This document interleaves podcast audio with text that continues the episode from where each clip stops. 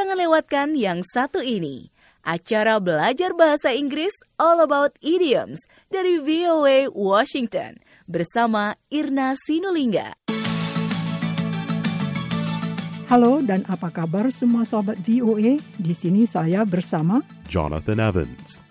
Welcome, friends, to All About Idioms. Acara ini khusus membahas idiom bahasa Inggris yang umum dalam tulisan dan percakapan orang Amerika sehari-hari. Idiom adalah sekumpulan kata yang punya arti tersendiri, jadi tidak bisa diterjemahkan secara harfiah.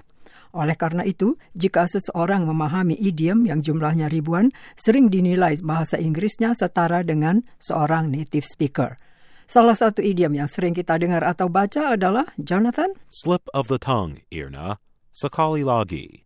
Slip of the tongue. Artinya salah ngomong atau tanpa sengaja mengatakan sesuatu. Atau padanannya dalam bahasa kita, keselio lidah, salah ucap atau salah bilang.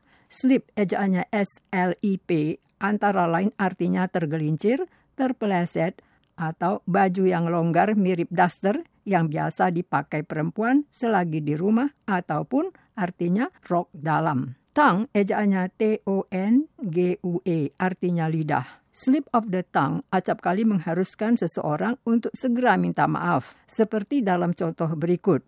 Kita umpamakan Jonathan menyapa seorang guru besar di kampus. Good morning, Professor Brown. Artinya, selamat pagi Profesor Brown. Celakanya yang disapa itu bukan Profesor Brown, yang langsung dengan suara lantang berkata, Young man, I'm not Dr. Brown. I'm Dr. Smith. Artinya, saya bukan Dr. Brown, saya Dr. Smith. Tentu saja Jonathan merasa malu dan ia langsung minta maaf. Oh, I'm sorry. Of course, Dr. Smith. Just a slip of the tongue, sir. I know you are Dr. Smith. I had your statistics class last year. I guess the wrong name just popped up.